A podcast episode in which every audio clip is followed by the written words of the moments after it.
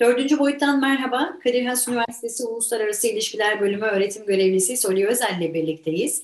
MGK Erdoğan Başkanlığı'nda toplanıyor. E, masada da Suriye'ye yeni operasyon var. Şimdi şöyle bir geriye bakacak olursak e, Türkiye Rusya'nın Ukrayna operasyonunda Rusya'ya bir anlamda aslında destek olmuştu diyebiliriz. Yaptırımlara katılmadığı müzakereler Türkiye'de oldu.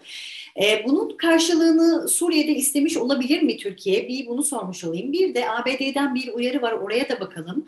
İstikrarı baltalar uyarısı yapıldı Soli Bey. Şimdi olası operasyonda ABD'nin tavrı ne olacak? Türkiye'yi vazgeçirmeye çalışır mı? Şimdi e, yani Türkiye'nin Rusya'ya destek verdiği biraz ileri gitme olabilir ama yani e, bir şekilde Rusya ile ilişkilerini bozmayacak bir denge tutturduğunu söyleyebiliriz.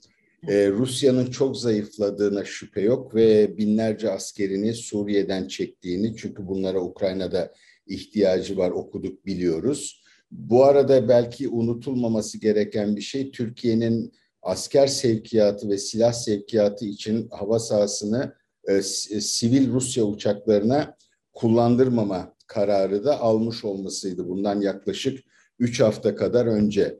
E, şimdi Rusya'nın bıraktığı boşluğu birilerinin doldurması gerekecek. Beşar Esad'ın pek buna hali yok.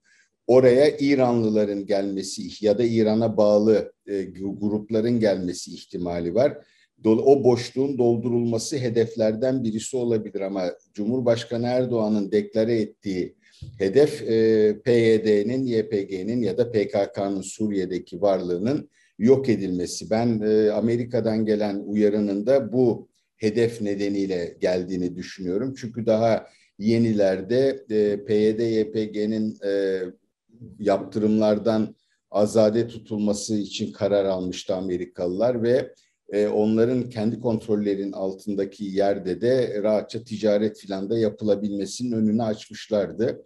E, şeyde malum YPG'ye e, e, şey Amerikalıların IŞİD'le mücadele ettiği için destek verdiği, silah verdiği bunlar da zaten malumumuz. O nedenle onlar açısından da Türkiye ile PYD, YPG arasında çıkabilecek olan bir çatışma onlar açısından istikrarın bozulması anlamına gelecektir. O yüzden bir uyarıda bulundu. Şimdi bugünkü toplantının ardından herhalde hedefler daha net olarak belirlenecektir. Bu e, yani YPG'nin püskürtülmesi e, bunun talep edilmesiyle mi olacak savaşma savaşılmak savaşılma sonu savaşma sonucu mu olacak filan onu göreceğiz. O olduğu takdirde Amerikalılarla bir sıkıntı yaşanabilir ama belki o da pazarlığa tabidir. Dediğim gibi İran'ın oraya gelmesi hiç kimsenin işine de gelmiyor. Yani Ruslar çekilmeye başladıkları için İsrail'de daha fazla bombalamaya başladı İranlıların bulunduğuna inandığı Suriye mevzilerini. Hayli karışık bir e, ortam bu bence. Arka planda ne olduğunu e, ben takip etmeye çalışıyorum fakat çok da e, veri elde edemedim doğrusunu isterseniz. Peki Soli Bey siz daha önce altını çizerek söylediniz. FED faiz yaptırımı sonrası, faiz arttırımı sonrası konuşmuştuk. Olmayan dolar, dolarlar arka kapıdan satılıyor. Kurda yeni bir kriz kapıda olabilir demiştiniz. Şimdi kurdaki hareketlilik malum. E, ekonomi açısından bakarsak olası bir operasyona ekonomi kaldırır mı? E, yani e, bu şimdi bu ekonominin neyi kaldırıp kaldırmayacağı tartışılmıyor zaten ama yani her savaş her ülke için çok önemli bir masraf kapısıdır. Denecek ki bu bir beka meselesidir. Enflasyonunuza bir 20 puan 30 puan daha eklenecekse de bunu çekeceksiniz. Çünkü bunun maliyeti yüksek olacak bunun maliyetinin karşılanması gerekecek. Artık para mı basılacak ne yapılacaksa bir yani olumsuz bir ekonomik etkisi de e, olacaktır sanıyorum.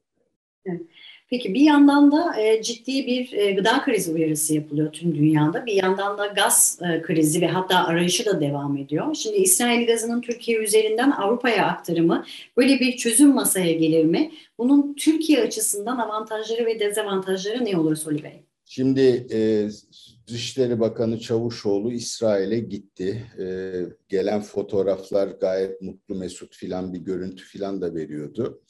Ama yani bugün düğmeye bassanız e, o boru hattının inşa edilmesi en az iki yıl sürecektir. E, bu arada da e, Kıbrıs Rum kesiminin iznini almadan da onu bir yerlerden geçiremezsiniz.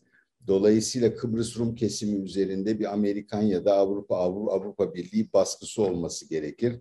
Onun karşılığında da onların bir şeyler alması gerekir. Yani biz kendi kafamızda tamam İsrail'le anlaşırız ondan sonra bütün gaz o boru hattından buraya gelir buradan da Avrupa'ya gider diye düşünüyor olabiliriz de bunun e, öyle otomatik olarak gerçekleşmeyeceği biz hoşlansak da hoşlanmasak da Kıbrıs Rum kesimi diye de bir e, gerçekliğin orta yerde olduğunu onların da Türkiye'nin herhangi bir şekilde yararlanabileceği bir projeye sıcak bakmayacağını e, öngörebiliriz.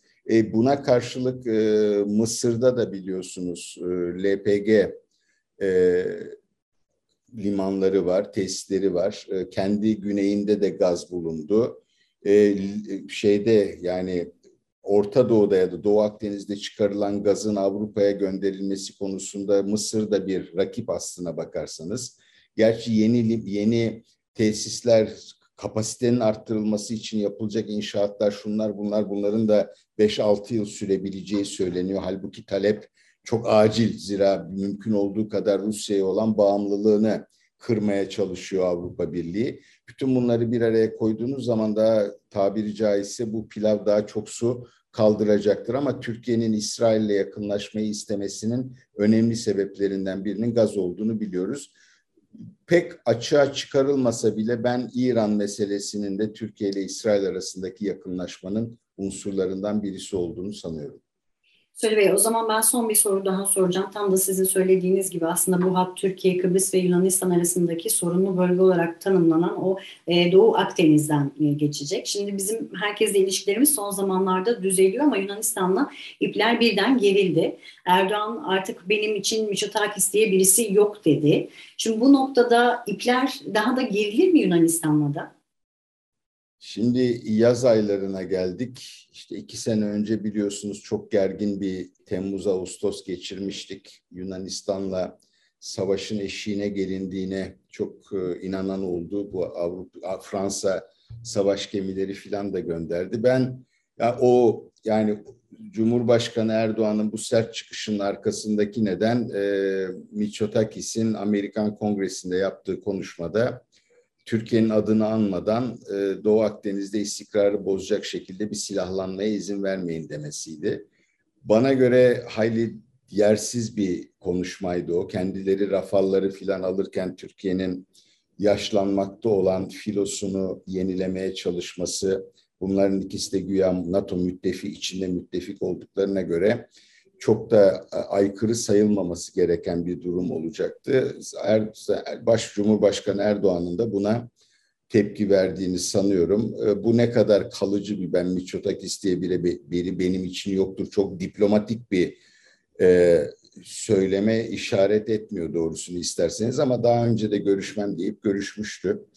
E, koşullar değiştiği zaman belki e, bugünkü durum da değişir ama e, şu anda e, özellikle de dediğim gibi yaza girerken ve Doğu Akdeniz meselesi gaz e, ihtiyacı nedeniyle yeniden ortaya çıkmışken bunun bir gerginlik unsuru olacağını düşünüyorum evet. Has Üniversitesi Uluslararası İlişkiler Bölümü öğretim görevlisi Soli Özel dördüncü boyutta yorumladı. Haftaya Perşembe görüşmek dileğiyle.